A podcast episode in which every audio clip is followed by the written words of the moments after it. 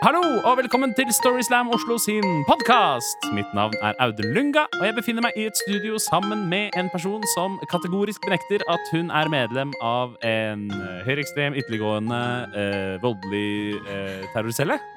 Ikke sant? Karoline Marie Enoksen, Ja, velkommen til deg. tusen takk. Du nekter fortsatt for det, gjør du ikke det? 100% Yes, supert. det skulle bare mangle. Ja, det skulle faen bare mangle. Altså. Um, ta takk for det, Audun, for Ja. den strålende introduksjonen. Bare hyggelig. Uh, hvordan har du det? Jeg har det bra. Ja, Uh, hva med deg? Har du det bra? ja det, det går så det suser. Ja, så bra. Vi skal, ha, vi skal høre på noen fortellinger som vanlig i denne podkasten. Og uh, igjen så vil jeg jo si at vi har et slags tema i denne podkastepisoden. Absolutt, det vil jeg jo si. Eh, muligheten til å gjøre et så tydelig redaksjonelt valg går jo aldri i denne podkasten. For vi? Nei, eh, og det, det, altså, vi etterlater ingenting til uh, tilfeldigheten. Absolutt ingenting. Eh, så denne episoden har jo kanskje en slags overskrift eh, om det å lyve og bedra. Ja, det kan man si. Altså, på vegne av eh, oss løgnere og bedragere så vil jeg gjerne påpeke at vi foretrekker å bli, foretrekker å bli kalt eh, sniker. OK, Så jeg vil si at denne episoden handler om å være en snik. ok. Ja. Det kan jeg være med på. Ja. Har du vært en snik noen gang, Karoline? Har du gjort noe som mamma ikke ville vært stolt av? Øh, ja, det, det tror jeg. Jeg tror for eksempel ikke hun ville vært så stolt av at jeg ble, pleide å bli henta på en sånn lett motorsykkel av Tommy Sjølyst. Kjørt ut til Lura og ble besudla. Nei. Så hvis Tommy Sjølyst hører på oss Hører på denne podkasten, fy! Takk for Ja, sist. Takk for Tommy. sist. Ja. Ja. Hva med deg, Audun? Uh, ja, altså av juridiske grunner så kan jeg ikke gå så nøye inn på temaet. Uh, det er Wow. under en avtale som gjør at hvis jeg snakker om det offentlig, så uh, ja. Så, men, så jeg kan ikke svare på spørsmålet, men da skjønner man kanskje hva svaret er. Da, skjønner. Eh, de skjønner hva du mener. Yes. Men i dette sniketemaet så skal vi høre to fortellinger. Eh, og den første historien i denne episoden den ble fortalt av Storyslams egen Synne Sagstad Imland. Det stemmer. Dette er historien om Synnes første reise til Roskilde.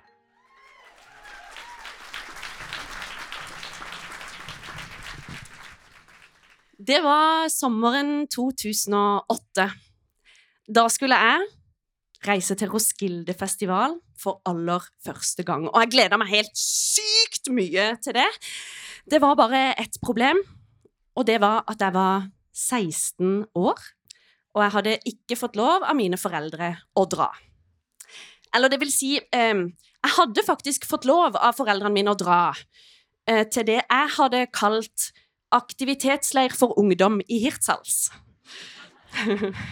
altså, for å forklare litt, jeg kommer fra en eh, ja, glad familie i sør, eh, på Sørlandet. Eh, og vi hadde som motto i vår familie at det Jesus ikke gjorde, det skulle ikke vi gjøre heller. Så det å for meg eh, spørre min mamma og pappa om lov til å dra på Roskilde-festivalen når jeg var 16 år, altså syndens pøl, og, og, og få et ja, det var ganske usannsynlig. Men, og, og til vanlig så ville jeg egentlig slått meg veldig til ro med det. Men eh, 2008, det var et litt spesielt år for meg. Jeg hadde gått ett år på videregående skole, og horisonten min hadde liksom blitt utvida, og jeg hadde begynt å kjenne på at jeg egentlig ikke var så fornøyd med de reglene som Jesus hadde satt for meg. Eh, jeg hadde lyst til å utforske litt eh, mer av hva livet hadde å by på. Og dette var også året jeg hadde truffet Julie. Den kuleste jenta på bakerste rad. Hun var fra byen, og hun hadde sett og hørt litt av hvert. Så da hun spurte meg om jeg hadde lyst til å være med henne på Roskilde festival den følgende sommeren, så kunne ikke jeg gjøre noen ting annet enn å si ja. Så der sto jeg. 27. juni 2008. I ytterganger med ferdigpakka sekk. Og jeg så inn i fjeset til mamma og pappa og lovte de høyt og hellig at jeg skulle sende de en SMS hver kveld når opplegget på aktivitetsleiren for ungdom i Hirtshals var ferdig for dagen. Og så dro jeg. Det var kveld da vi ankom festivalområdet på Roskilde festival. Og herregud, så kult det var! Altså, det var Sodoma og Gomorra i, i diskolys. Og jeg kjente at den kulturelle kapitalen min bare poff skøyt til været idet jeg tok én fot innafor festivalgjerdene. Vi fant et perfekt sted for teltet vårt, slo det opp lett som en plett, og så jekka vi opp disse to Tuborg-ølene som vi hadde kjøpt med sånn orange label på. Vi skålte og drakk, og så utover disse teltkledde viddene og visste at vi skulle utforske hver krik og krok av det vi så. Og Gud skal vite, det gjorde vi. I, i, i dag har vi ridd på hest. Det var gøy og skummelt. I kveld er det røde pølser på menyen. Klem Synne. Um, jeg sjekka hver SMS nøye for skrivefeil, eh, og, og, og, og, den veldig dårlige samvittigheten som vella opp i meg hver gang jeg trykka 'send' på en ny melding, den drukna jeg i Tuborg, og det var ganske effektivt. Altså, De første dagene på Roskilde festival de husker jeg bare som en sånn blanding av eh, fellesdusj, nakenløp, eh, litt av eh, heteslag inni der. Eh, det var danske gutter som lærte oss å si 'roll grow med flow. Og vi syntes det var så sjarmerende. Det var brett på brett på brett med Tuborg som jeg og Julie drakk. Og det var meg og Julie i stjerneformasjon i teltet mens verden snurra rundt oss, og vi sovna til lyden av konserter som vi aldri rakk å dra på. Um, I dag har vi bare ligget på stranda. I, I, kveld blir det glassblåsing. Ja. Um, for å være ærlig så, så, begynte jeg egentlig å gå litt tom for sånne troverdige aktiviteter som kunne foregå i, foregå i Hirtshals. Um, og egentlig så hadde jeg mista litt motivasjon til å sjekke for skrivefeil. Og, og dagene gikk så fort. Jeg kunne egentlig ikke huske sist jeg skrev en SMS og sendte den hjem. Men, men det gjorde liksom ikke så mye for meg. Jeg tenkte mamma de, de sender melding hvis de er bekymra. Dagene de, de fløy av gårde, og før jeg visste ordet av det, så var det siste kvelden og, og meg og Julie vi, vi, hadde enda ikke rukket å gå på en konsert. Det var jo litt flaut, så, så, så, vi bestemte oss at i kveld ja, i kveld må det jo skje, da. Og heldigvis for oss så var det JC som, eh, som skulle holde den siste avsluttende konserten på Orange Stage. Eh, JC, altså ja, jeg kom fra et sånt Jesusland, men jeg visste hvem han var. Selv om den eneste CD-en jeg eide, det var Carolas jul. Men jeg fulgte litt med, da. Eh, meg og Julie vi kjøpte oss en eh, flaske med hot and sweet-sprit som vi delte på, vi to, før vi dro mot eh, konsertområdet. Eh, jeg tok med meg telefonen, flippa den opp på veien, og så at eh, jeg hadde fått en melding eh, av pappa der det sto at han håpet at jeg hadde det fint, og at han og mamma vurderte å dra til Hirtshals i morgen, ja, for å treffe meg og sjekke ut denne aktivitetsfestivalen som jeg hadde snakka så fint om. Og Der og da kjente jeg at jeg stivna litt, eh, for dette hadde ikke jeg tatt med i beregninga. Og jeg begynte å forfatte en, en, en, god løgn, eh, for det var jeg blitt ganske god på. Jeg eh, skulle til å trykke på send, men det er da det skjer. Telefonen går tom for strøm. Men selvfølgelig gjør han det, jeg har jo ikke lada den på flere dager. Og Julie sin telefon den er stjålet for lenge siden. Eh, men min 16 år gamle hjerne den er ganske kvikk, så jeg begynner å se meg rundt etter noen løsninger. Og der borte, ved inngangen til, eh, til eh, konsertområdet, der står det en vakt. Jeg løper opp til han, tar han i skjorta og roper 'It's an emergency!' Og så får jeg låne telefonen hans. sin da. Og Jeg sender en SMS hjem til mamma de og forklarer at det her er ingen voksne, det er ingen adgang for voksne, og, og jeg blir kjørt hjem, og ikke tenk på det. Og, og så sender jeg den. Og så er den saken ute av verden. JC han gir oss et ganske bra show, og gir oss med det en perfekt avslutning på en perfekt uke. Alt har gått som det skulle. Å våkne opp siste dagen på Roskilde, eller når Roskilde er ferdig, det er ganske usjarmerende. Det er ikke så gøy. Alle vil hjem. Jeg ville faktisk også hjem. Jeg får lada telefonen før jeg går på bussen. Og når bussen, som skal ta ti timer hjem, eh, har begynt å rulle, så åpner jeg telefonen, eh, for den har fått strøm. Og der ser jeg at jeg har fått en melding av pappa, der det står at han har hatt en meget interessant samtale med en vakt på Roskilde festival dagen i forveien, for han hadde googla det nummeret som sendte en litt sånn rar melding med masse skrivefeil dagen før. Og at nå er det bare for meg å komme meg hjem, for vi må ta en prat. Det var ti ubehagelige timer. Det var det. Men eh, det var ikke kjeft som venta meg når jeg kom hjem den kvelden. Det var noe mye verre. Det var to nitriste foreldrefjes som så dattera si i et helt nytt lys. Pappa hadde sittet oppe hele natta og hamra på eh, tastaturet og skrevet et sånn trist brev eh, om hvor skuffa de var over meg, over hvor lang tid det ville ta for meg å gjenvinne deres tillit. Det var vondt, og det tok tid, men det gikk bra. Og eh, hvis noen spør meg i dag om jeg angrer på at jeg dro til Roskildefestival den gangen, så svarer jeg nei. Noe annet er å lyve, og det har jeg slutta med. Takk.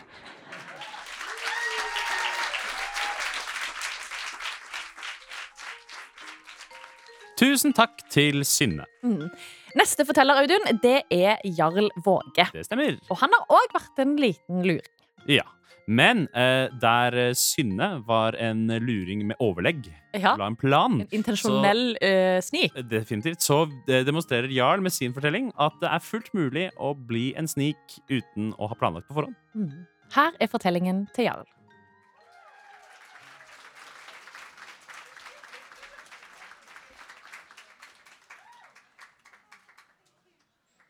Som lærer tok jeg med jevne mellomrom elever i å jukse. Det var aldri kjekt. Det enda alltid opp med tårer. Ikke karakter på prøven, nedsatt karakter i oppførsel. Men nå skal jeg, læreren, i beste amerikanske kristenfundamentalist vekkelsespredikantstil bryte sammen og tilstå at jeg òg har juksa. Til eksamen i sløyd. Jeg og en fiskeskipper fra vest ved havet. For mye lenger siden enn jeg liker å vedgå, var jeg lærer ved Måløy realskole. Og det var ikke hva som helst slags realskole, må dere tro. For der andre kunne bruke tre år, måtte vi gjøre alt under på to. Og siden skolen ikke hadde det som het eksamensrett, måtte vi opp til eksamen i absolutt alle fag. Så i første real var jeg oppe til eksamen i skjønnskrift, tegning, kroppsøving og sløyd. I sløyd var jeg ei katastrofe. Nesten som tilbakestående å regne. Så det var med bevende hjerte jeg møtte opp i sløydsalen en junimorgen i 1963 for å få utdelt eksamensoppgaver. Det vi skulle lage, var ei trillende rund sak til å sette varme gryter på. Og den skulle hvile på en korsfot. I lag med oppgava kom det to fjøler som skulle bli nevnte nyttegjenstand. Det var bare det at i de fjølene så jeg verken gryteunderlag eller korsfot. Første del av oppgaven gikk for så, for så vidt greit. Å tegne en sirkel med diameter på 20 cm på ei av fjølene. Det var da jeg skulle til å sage ut at helvete brøt løs.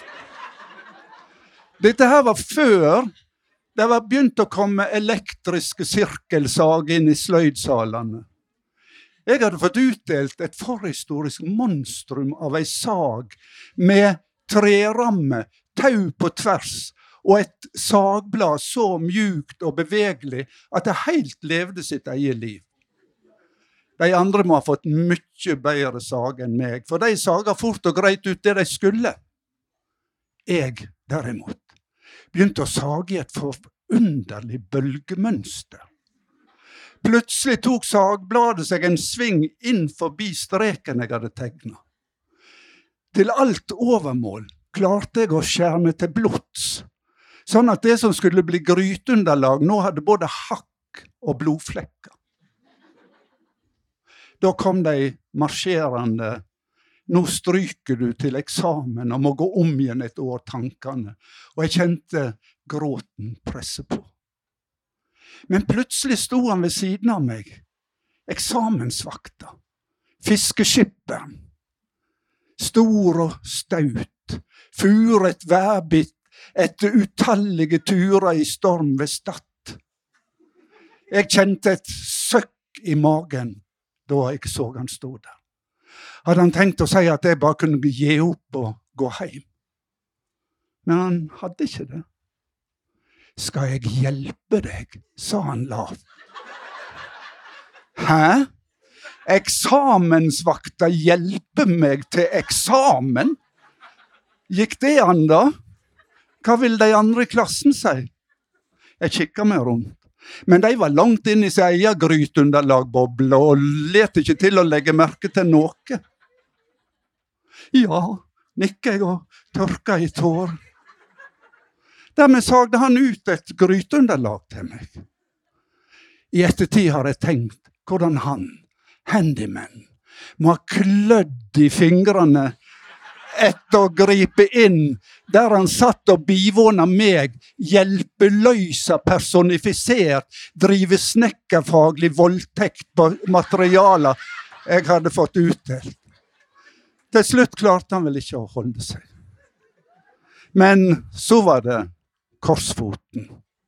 Jeg studerte tegningene så nøye jeg kunne, og fant ut at det skulle måles, sages, skjæres ut, felles inn, limes og skrues. Igjen ble jeg invadert av stryk til eksamen-tanker. Og jeg følte at det eneste korset jeg nærma meg, var det jeg var i ferd med å bli spikra opp på.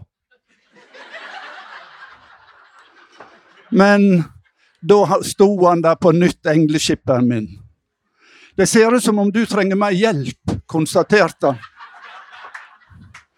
Jeg gikk ikke inn i dype diskusjoner med han om det. Så med meg som en observatør så jeg han måle og sage, skjære ut og felle inn, lime og skru. Sånn at jeg, i likhet med mine klassekamerater på slutten av dagen, hadde et fikst ferdig gryteunderlag hvilende på en korsfot og sende til en sensor en eller annen plass i Norge. Eksamensvakta sto til eksamen, han. Han fikk karakteren T. Tilfredsstillende. Eller fire i dag. Og jeg tenker, Hvis jeg ikke hadde rota det til for han med blod og hakk, så kan det godt hende han hadde fått bedre karakter. Men meg berga han fra å bli den eleven Måløy, ved Måløy real som år etter år gikk oppi og strøyk til eksamen i sløyd. Så på min stjernehimmel er ei av de stjernene som skiner aller klarest en fiskeskipper fra vest ved havet. Av og til blunker vi lurt til hverandre.